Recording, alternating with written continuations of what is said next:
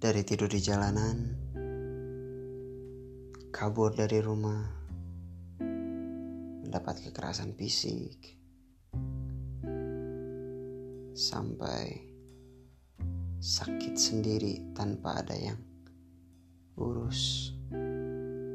Setiap orang punya cerita kisah keluarganya masing-masing, terutama anak-anak broken home. Dan gua di sini akan bacakan kisah dari orang-orang yang kirim gua kisah mereka. Dan akan gua ulas kembali di podcast ini.